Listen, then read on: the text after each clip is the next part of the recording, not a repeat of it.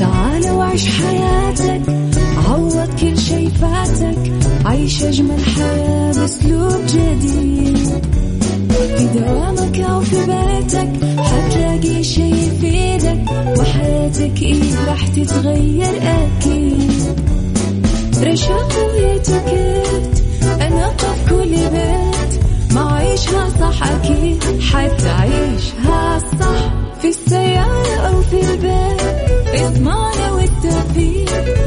الشيء المفيد ما عيشها صح الآن عيشها صح مع أميرة العباس على Mix FM Mix FM هي كلها في ال mix.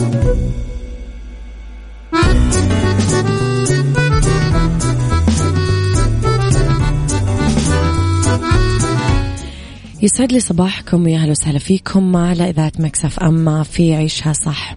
اذا أحييكم وأصبح عليكم بالخير وطبعا دائما تقدرون تسمعون برامجنا كلها على تردداتنا بكل مناطق المملكة على رابط البث المباشر وعلى تطبيق Mix FM Android و iOS. تقدرون ترسلوا لي دائما رسائلكم الحلوة وتصبحون علينا على صفر خمسة أربعة ثمانية, واحد, واحد سبعة صفر صفر. أما جديد الإذاعة والمذيعين كواليسنا تغطياتنا وآخر أخبارنا كلها تكون موجودة على at Mix FM Radio Twitter Snapchat Instagram و Facebook. إذا ساعتنا الأولى أخبار طريفة وغريبة من حول العالم جديد الفن والفنانين وآخر القرارات اللي صدرت.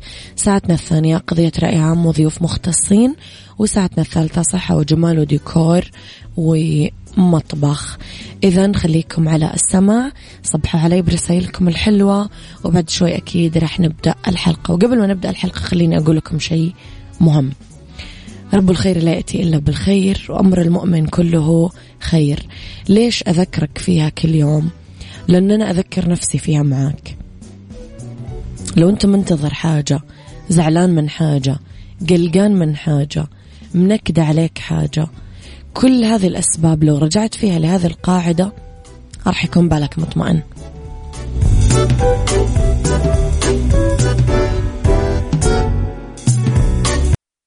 عيشها صح مع أميرة العباس على مكتف أم مكتف أم هي كلها في المكس.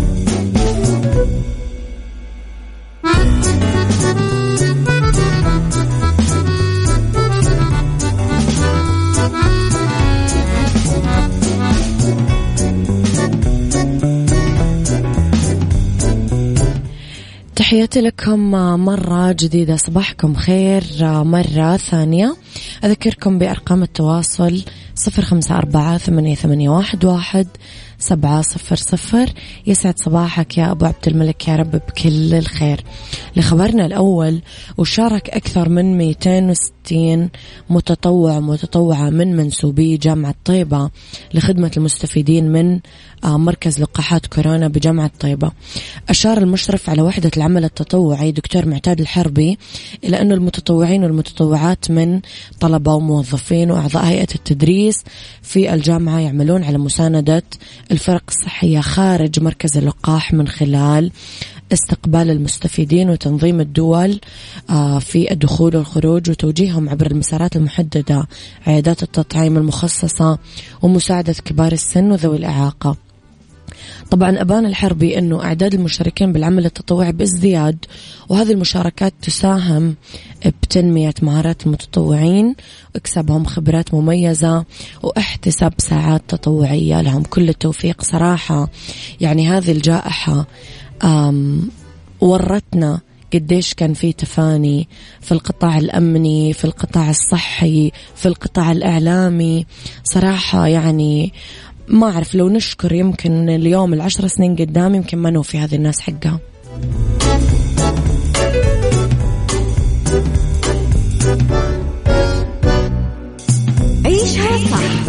مع أميرة العباس على مكتف أم مكتف أم هي كلها في المكس.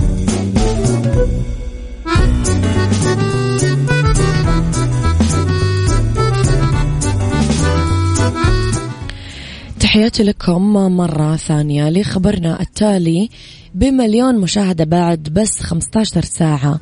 تصدرت أغنية لو هتسيب لمحمد حمائي ترند اليوتيوب وحققت 48 ساعة أكثر من آه، مليونين وأربعمية وسبعين ألف مشاهدة. وحققت لنا اليوم 4.3 مليون مشاهدة مع تجاوب واسع من نجوم الفن وصناع الأغاني اللي اعتبروا الأغنية البداية الحقيقية لموسم أغنيات الصيف 2021 أكدت إليسا أنها مدمنة لسماع الأغنية. من يوم ما انطرحت. حمائي طرح لو هتسيب آه واللي تعد ثاني أغنيات ألبومه الجديد يفاتني. مساء الخميس وهي كلمات طبعا تامر حسين. الحان وتوزيع أحمد إبراهيم. آه طرح كليب الأغنية على شكل رسوم متحركة. حققت ربع مليون مشاهدة بس بأول ساعة. وتجاوز أول مليون بعد 15 ساعة على اليوتيوب. احتشد عدد كبير من صناع الأغاني وهنأوا حمائي وتامر حسين وأحمد إبراهيم. على النجاح الأغنية.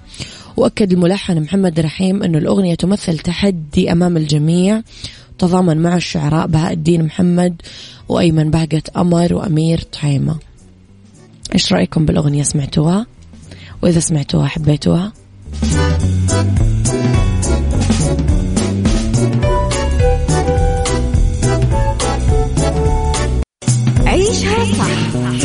أميرة العباس على مكتف أم مكتف أم هي كلها في المكس.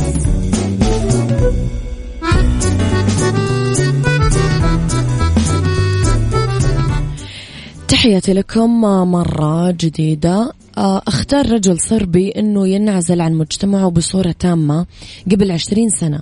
فأخذ كهف في منطقة نائية عملها بيت له وخلال هذه السنين ما غاتر بانتا بتروفيك كهفو البعيد إلا نادرا. بالصدفة البحتة اكتشف أثناء زيارة سريعة لمدينة قريبة إنه في وباء متفشي اسمه كورونا. sorry حضرتك إحنا صار لنا سنتين محبوسين في البيوت وأنت توك تكتشف. ولما أصبحت اللقاحات المضادة للفيروس متوفرة طلع من الكهف وأخذ الجرعة الأولى. قال بتروفيك اللي عمره 70 عام إنه يبغى يحصل على الجرعات المضادة للفيروس بما في ذلك جرعة التعزيز الثالثة. يعيش بتروفيك في كهف يصعب الوصول له. يتطلب الأمر تسلق مرتفعات صخرية في مهمة تصعب على أصحاب القلوب الضعيفة. قبل ما ينعزل عن المجتمع تبرع المسن الصربي بكل ما يملك من أموال للمساهمة في بناء جسور صغيرة بمدينته. قصة غريبة صراحة. الله يسعد صباحك يا دنيا العبيدي بكل الخير يا رب. صباح الهنا.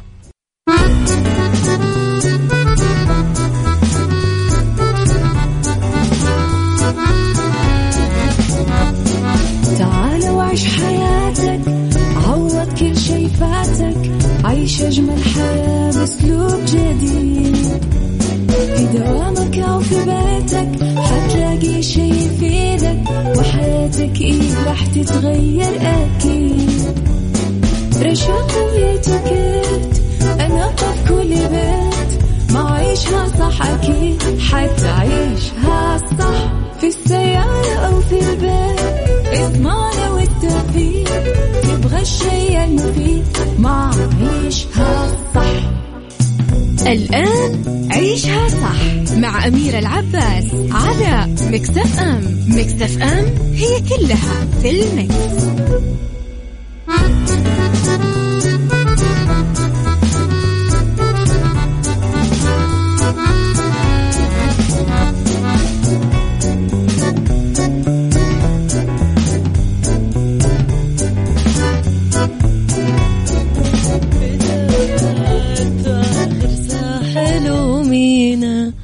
يسعد صباحكم صباح الورد والخير والجمال والسعادة والرضا والمحبة والتوفيق والفلاح وكل شيء حلو يشبهكم. ربي يسعد صباحكم وين ما كنتم ومن وين ما كنتم تسمعوني. أصبح عليكم من وراء المايك والكنترول أنا أميرة العباس بساعة جديدة وأتمنى لكم فيها أكيد بكل الاستمتاع. في هذه الساعة اختلاف الرأي لا يفسد للود قضية. لو الاختلاف الأذواق طبعا لبارة السلع توضع مواضيعنا دايما على الطاولة بالعيوب والمزايا السلبيات والإيجابيات السيئات والحسنات. تكونون أنتم الحكم الأول والأخير بالموضوع. وبنهاية الحلقة نحاول أن نصل لحل العقدة ولمربط الفرس. التعليم عن بعد والتعليم التقليدي مع المشهد المتغير باستمرار التحديات العالمية الجديدة توجب على الأساتذة والطلاب بكل أنحاء العالم التكيف. صار التواصل مع الأصدقاء والعيلة أسهل عن طريق آه، تطبيقات مثل واتساب أو زوم وغيرها. ويتبع التعليم نفس النهج كمان. أدى ظهور التعليم بالإنترنت لأنه يضطرب نظام التعليم. جرت العادة أنه التعليم آه، يكون طول الوقت بشكل حضوري وهذا الشيء كان يمثل عائق على الأفراد غير القادرين على الحضور. لذا فالميزة الأبرز للتعليم عبر الإنترنت أنك تعطي المجال للمزيد من الأشخاص للمشاركة بما فيهم. آه، مثلا ذوي الاحتياجات الخاصة. إيش رأيك في الموضوع؟ قل لي اكتبوا لي آراءكم على صفر خمسة أربعة ثمانية, ثمانية واحد, واحد سبعة صفر صفر. نسمع لحلول قوة. آه ما قوة. عيشها صح مع أميرة العباس على مكتف أم. مكتف أم هي كلها في المكس.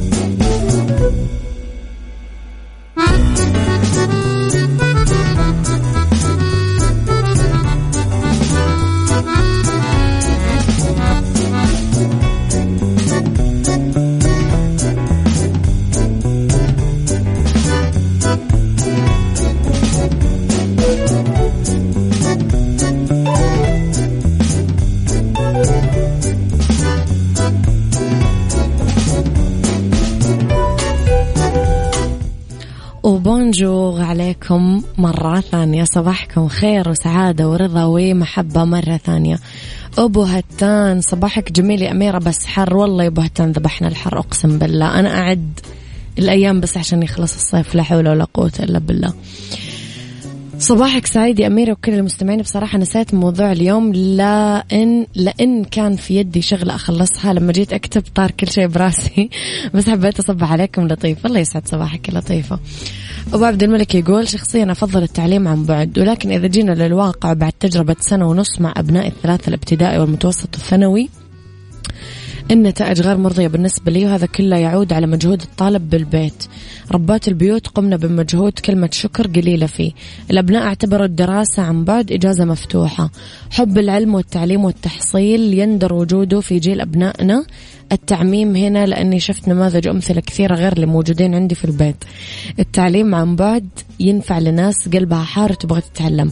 أما جيل ال PlayStation وال iPad يحتاجوا وما ينفع معاهم غير التعليم التقليدي. واضح أنه أبو عبد الملك إيش؟ معبي.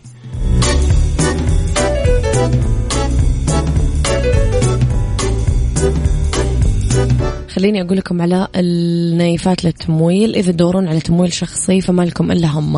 راح تقدرون من خلالهم تاخذون تمويل نقدي فوري بدون تحويل راتب ولا كفيل. توفر كمان برامج التمويل الشخصي للأفراد آه بدون تحويل الراتب ولا الكفيل الشخصي. كمان عندهم برامج خاصة بتمويل المنشآت والشركات الصغيرة والمتوسطة. للاستفسار ولمزيد من المعلومات تسعة اثنين صفرين ثلاثة ثلاثة ستة ستة ستة.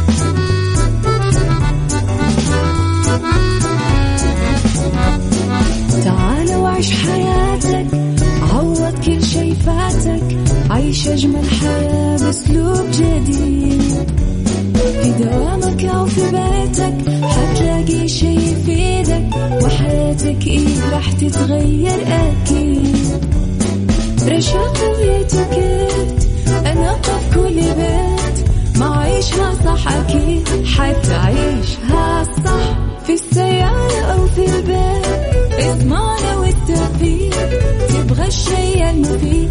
ما عيشها صح. الآن عيشها صح مع أميرة العباس على مكتف أم. مكتف أم هي كلها في المكس.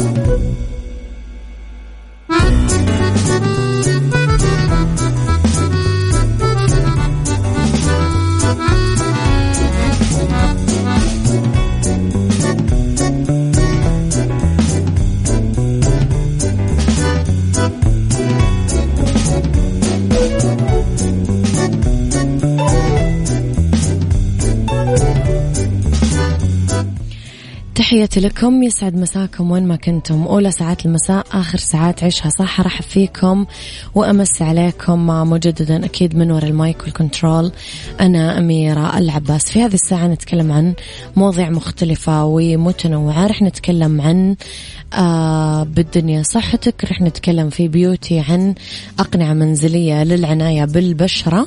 ورح نتكلم عن سيكولوجي وتعديلات بسيطة بالنظام الغذائي تحمينا من التدهور المعرفي. خليكم على السماع ولا تنسون ترسلوا لي رسائلكم الحلوة على صفر خمسة أربعة ثمانية, ثمانية واحد, واحد سبعة صفر صفر. بالدنيا صحتك برعاية مجموعة أندلسية العربية للخدمات الطبية على مكسف أم.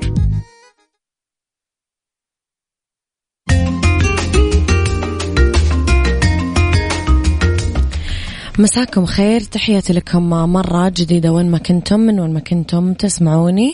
آه، من عيادة أندلسية اسمحوا لي أرحب بالدكتورة جهام مصطفى. أخصائية طب أسنان الأطفال من مركز أندلسية لطب الأسنان. يسعد مساك دكتورة. أهلا وسهلا أستاذة أميرة. نرحب فيك وأهلا بكل مستمعينا الغاليين. الله يسعدك دكتورة. نرحب فيك في استديوهات مكسف أم. دكتورة رح نبتدي فيما يخص أسنان الأطفال آه بالأسنان اللبنية وكمان إيش دورها في نمو الطفل. إيش تعريف الأسنان اللبنية دكتورة؟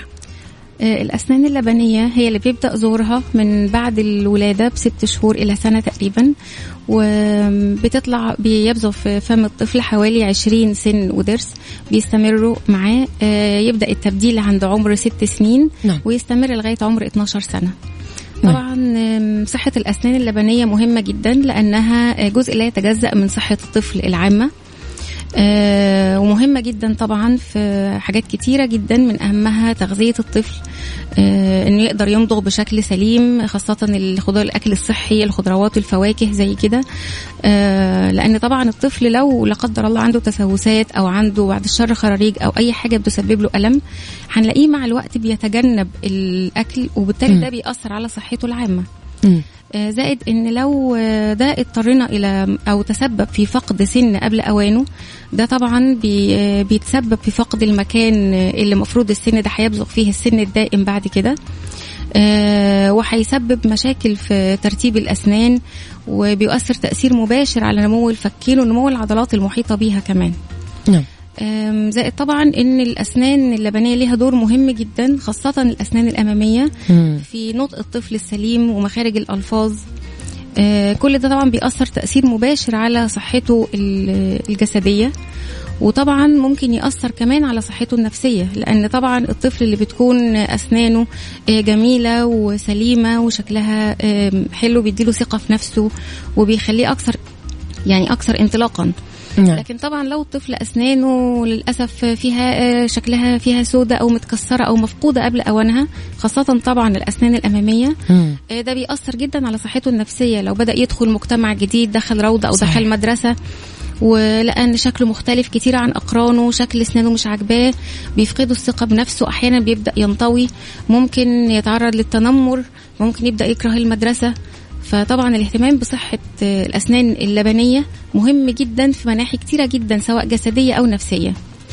طب دكتورة إيش إيش دورها في نمو الطفل؟ حضرتك ذكرتي بعض ال ال النقاط المهمة، هل ممكن تكون الأسنان أحيانا يعني علامة أو إشارة لعمر الطفل مثلا أو نموه الصحيح أو ما شابه؟ هو طبعا أحيانا كتير بيجي الأهل قلقانين إن الطفل اتأخر في التبديل إن هو مش مم. مش زي أقرانه إن فلان أو فلان ابن عمه أو صاحبه أو كده أسنانه طلعت قبل وهو. هم قد بعض وده بدل وده ما بدلش الموضوع بيكون ليه أسباب كتيرة جدا آه السبب الرئيسي فيها هو بيكون عامل وراثي إن في مم. ناس بتبدأ تسنن بدري وتبدل بدري.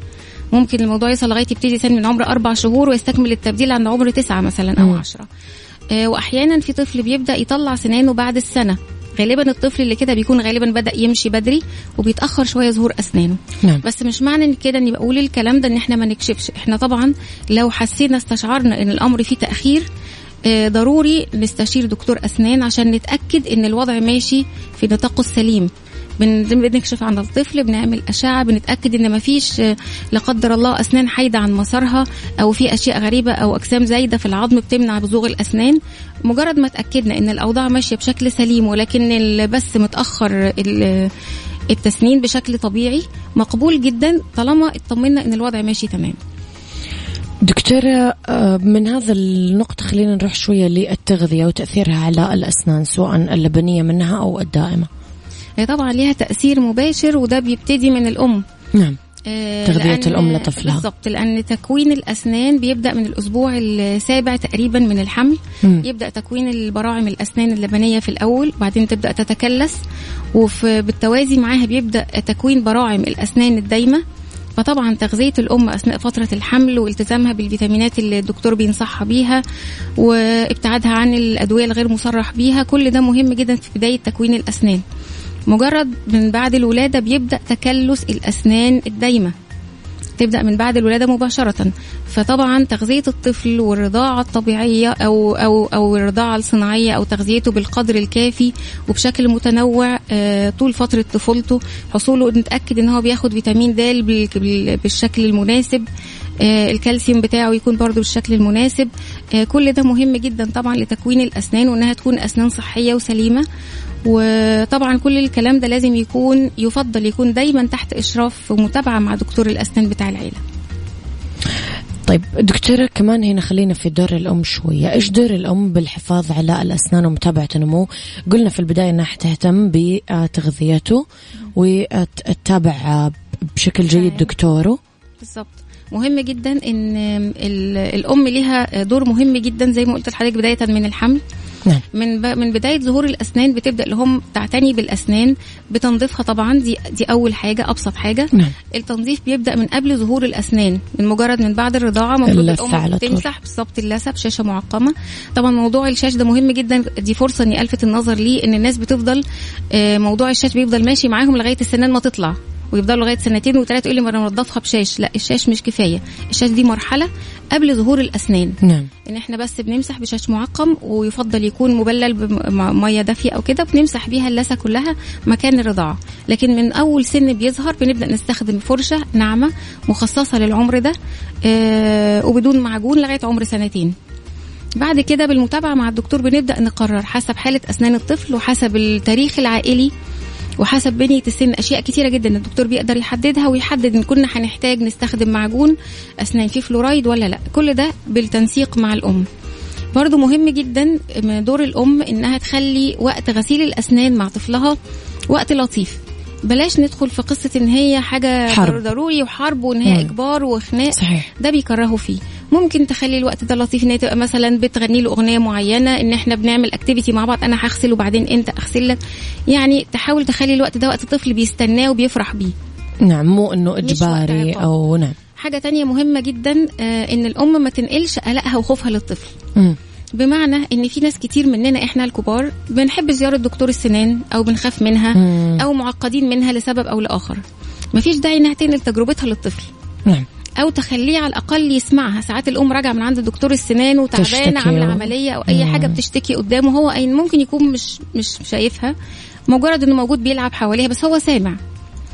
آه وبيركز. وبعدين لما بيضطر في يوم من الأيام يروح لدكتور السنان بيبدأ الكلام ده يظهر عنده من اللاوعي ويبتدي يفتكر. ده ماما اللي هي أصلا يعني مصدر أماني في الدنيا كلها. خايفة. خايفة وحصل لها كده. ما بالك أنا هيحصل لي إيه؟ صحيح. فيا ريت ما تنقلش خوفها وقلقها للطفل. تسيبه هو يبني تجربته بنفسه. لما هتتابع معاه من صغره مع طبيب أسنان أطفال متخصص آه، هيكون الطفل دايما بيروح زيارات لمجرد المتابعة الدورية هيبني ثقة مع الدكتور هيتآلف معاه. الدكتور هيبدأ يفهم شخصيته. يوم ما يحتاج خدمة هيعملها إزاي؟ لأن طبعا كل طفل وليه مفتاحه. صحيح. فالدكتور لازم يشتغل على ده الدكتور بيبدأ. يتابع معاه فالأم ما تنقلش بس قلقها وخوفها للطفل وما تسيبوش تجارب الآخرين إنها تأثر عليه. نعم دكتور انه يكر نطلع بريك قصير ونرجع نكمل حوارنا مرة أخرى.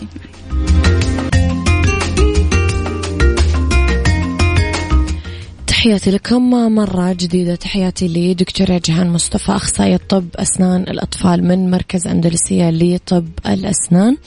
طبعا للتذكير أي أحد عنده أي سؤال فيما يتعلق بموضوع حلقتنا اليوم اكتبوا لي على صفر خمسة أربعة ثمانية, واحد سبعة صفر صفر. آه ذكرنا قبل شوي دكتورة قديش الأم لها خلينا نقول ثلاث أرباع الدور في الاهتمام آه بصحة طفلها وصحة آه فمه وأسنانه. وبعد كذا طبعا طبيبه. سامحيني أنا افتكرت حاجة دلوقتي. آه نعم أنا لسه جاية أذكرك بالموضوع. نعم قول وهي نقطة مهمة جدا. نعم. بالنسبة لدور الأم برضو في العناية بأسنان الأطفال نعم. آه في نقطة آم، دراسات أثبتتها وأكدتها. إن ممكن الأم اللي عندها تسوس نشط بمعنى إن في فجوات تسوس ما اتعالجتش ممكن ده يتنقل لطفلها دي معلومة للأسف أنا عارفة إنها مش عند خلال جداً. الحمل بعد بعد لأن الأم عموما بت يعني بتعتمد إنها ده طفلها وهي مش بتقرف منه وممكن إن هي مثلا تشرب معاه أو تشرب تاكل من كوبايته أو تاكل. معاه أو صحيح. تأكله بمعلقتها ودي حاجة منتشرة جدا في مجتمعاتنا اللي هي القواعد الصحية الأولية مش دايما بنكون ملتزمين بيها فبالتالي إن ممكن. ميكروبات التسوس أساسا هي مش بتيجي في... مش بتتنقل لفم الطفل مش بتتكون في فمه في الجزء الأول من حياته على الأقل السنة الأولى لكن ممكن بالأسلوب ده هي إحنا بندخلها له غصب عنه في الفترة دي وده بيكون سبب إن هو يبدأ. سنانه تتسوس بسبب كده دي نعم ف... نقطة مهمة جدا الالتزام بالقواعد الصحية الأولية دي نقطة مهمة جدا لأن لقوا دراسات أثبتت إن بكتيريا التسوس اللي بتكون عند الطفل بتبدأ في عمر مبكر بتكون غالبا نفس ال genotype بتاع بكتيريا الأم.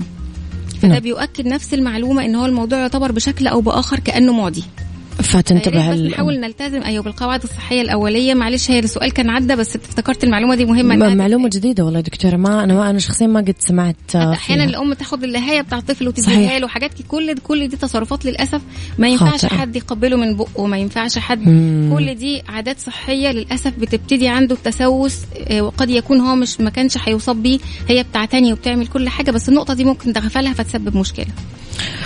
طيب دكتورة هناك ما يسمى بحافظة المسافة. لو تعرفين عليها إيش معنات المفردة هذه؟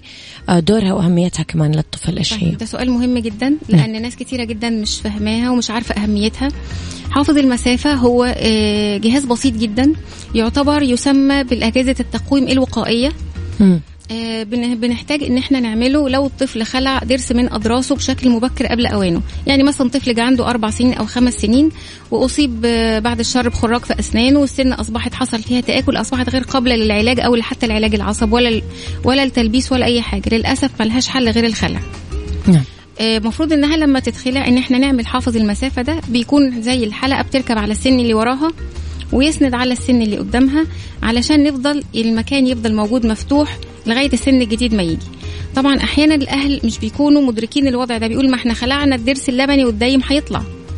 هو الضرس الدايم بيطلع لما يكون هو جاهز مش لما أنا أخلع. نعم. هو حاليا موجود في مرحلة نمو مبكرة جدا. مم. التكلس بتاعه ما اكتملش الجدر بتاعه لسه ما ابتداش يتكون أصلا فهو غير معد إنه يطلع دلوقتي. فأنا لازم أحفظ له مكانه لغاية لما يطلع. في الوقت اللي هو هيتكون فيه عند عمر 10 عند عمر 11 آه، لو ما عملناش كده اللي بيحصل؟ إن الأسنان المجاورة لمكان الخلف تاخذ مكانه. بتبدأ تتحرك وتضيق المكان. مم. بيحصل إن إما الضرس الدائم اللي موجود تحت ده إما إنه بيفضل مدفون في العظم ده أحيانا بيستلزم إجراء عمليات جراحية بعد كده. أو بيطلع خارج المسار بيطلع خارج ال- الفك بيطلع بشكل متراكب مع الأسنان اللي حواليه وبيعقد جدا عملية التقويم يعني. فطبعا حافظ المسافه يكون إجراء بسيط جدا ومش مكلف وغير مؤلم نهائيا. ولما هنعمله يفضل يتعمل بعد الخلع مباشرة في خلال أسبوع. لو عدينا حوالي ست شهور بيكون أصبح غير يعني ما حينفع. بالظبط خلاص أصبح غير مفيد. طيب دكتورة من باب الوقاية خيرا من العلاج العلامات الأولية اللي آه، ممكن توضح لي أنه طفلي يحتاج للتقويم مستقبلا. إيش الحاجات اللي أنا ممكن مثلا آه، كأم أو كأب أنتبه عليها في هذه المرحلة؟ وتبين لي أنه بعدين الطفل يحتاج تقويم في مرحلة مبكرة. أم، في علامات بتكون واضحة بيكون واضح في شكل الفكين. أحيانا البروز الفك السفلي بشكل مبالغ فيه بتكون الدقن بارزة شوية ودي بتكون أحيانا في بعض العائلات وراثية فالناس بتفترض إنها هي وراثية وكده كده خلاص هو هيطلع كده زي باباه وزي عمه فخلاص مش هنقدر نعمل حاجة. لكن هي لو في وقت مبكر تدخلنا ممكن بنقود نمو الفكين في الاتجاه اللي يساعدنا إن إحنا نتخطى المشكلة دي. لكن لو انتظرنا لغاية الناس كلها زي ما بتقول عند المتوسط مثلا آه، 13 14 سنة أغلب الظن بيكون نمو الفكين قرب يكتمل وبيكون المشكلة دي هتبقى غير قابلة للحل. فدي نقطة. حاجة تانية أحيانا بروز الفك العلوي. لما بيكون شكله بارز بشكل واضح وبشكل مبالغ فيه آه، دي ضروري نتدخل فيها في مرحلة برضو مبكرة لأن بروز الأسنان العلوية آه، بيعرضها غير إنها بتحتاج للتقويم بيعرضها للكسر. مع أبسط وأخف إصابة بتكون الأسنان عرضة للكسر. إحنا بروز الأسنان العلوية عن السفلية كل ما كان آه، مثلا لو 3 ملي لو 6 ملي يعني ليها حسابات معينة آه، كل عد من دول بيخلي احتمالية إصابتها بتبقى مضروبة في اتنين أو في ثلاثة تبقى مع أبسط إصابة أبسط خبطة. واحد مثلا بيلعبوا الأطفال مع بعض جت كورة جت حد خبط حد براسه زي كده. تلاقي الأسنان لا قدر الله بتنكسر وبتبقى مشكلة كبيرة جدا لأن طبعا اسنان دايما بيبقى شيء محزن جدا.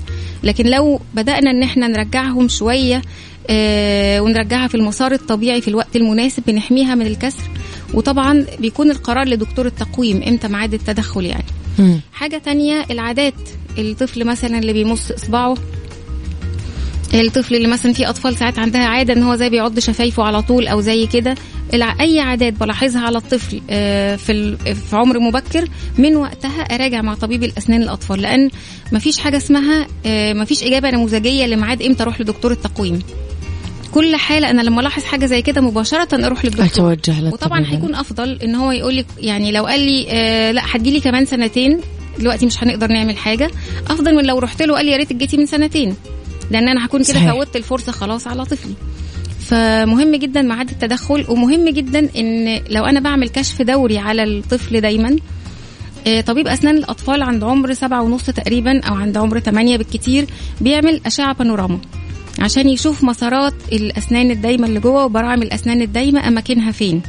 مم. هل في حاجة لا قدر الله حايده عن مسارها؟ في حاجة محتاجة تدخل؟ ساعتها بيجايد أو بيرشد ال ال الأهل هعمل إيه؟ هل إحنا ماشيين كويس ولا محتاجه نتدخل؟ تدخل بسيط بيعدل الوضع. نعم. لأن أحيانا الحاجة لما بنسيبها مثلا زي الأنياب العلوية أحيانا بنكتشفها لما نروح نعمل تقويم نقولها ما بدلتش ليه؟ نكتشف إنها كانت حايدة عن المسار وإنها هربت تماما من مسارها واتدفنت في العظم ومش هتطلع. الوضع ده لو تدخلنا عند عمر 8 سنين بنتدخل بخلع حاجات معينة قبل أوانها بي- بيخلي الأسنان تقدر تعدل مسارها مم. وتثبت في المسار الصحيح نعم فهي الأمر كله ليه علاقة بالمتابعة الدورية مهم جدا الطفل يكون عنده ما يسمى. بدنتال هوم. إن هو من صغره يكون بيتابع مع دكتور أسنان بيكون واخد عليه وفاهم طب طبيعته وبيعرف يتعامل معاه وبيرشد الأهل دايما إن يتابعوا معاهم تبديل الأسنان إن التبديل ماشي بشكل صحيح ومناسب فهو هيقول لهم إمتى ميعاد ال- المناسب لل... نلجأ للتقويم أو نكون مش هنحتاج خالص. أحيانا الإجراءات التدخلية اللي بنعملها في النص دي بتخلينا مش محتاجين خلاص نكتفي بالظبط- هذه. دكتورة نورتي حلقتي اليوم يعطيك ألف عافية.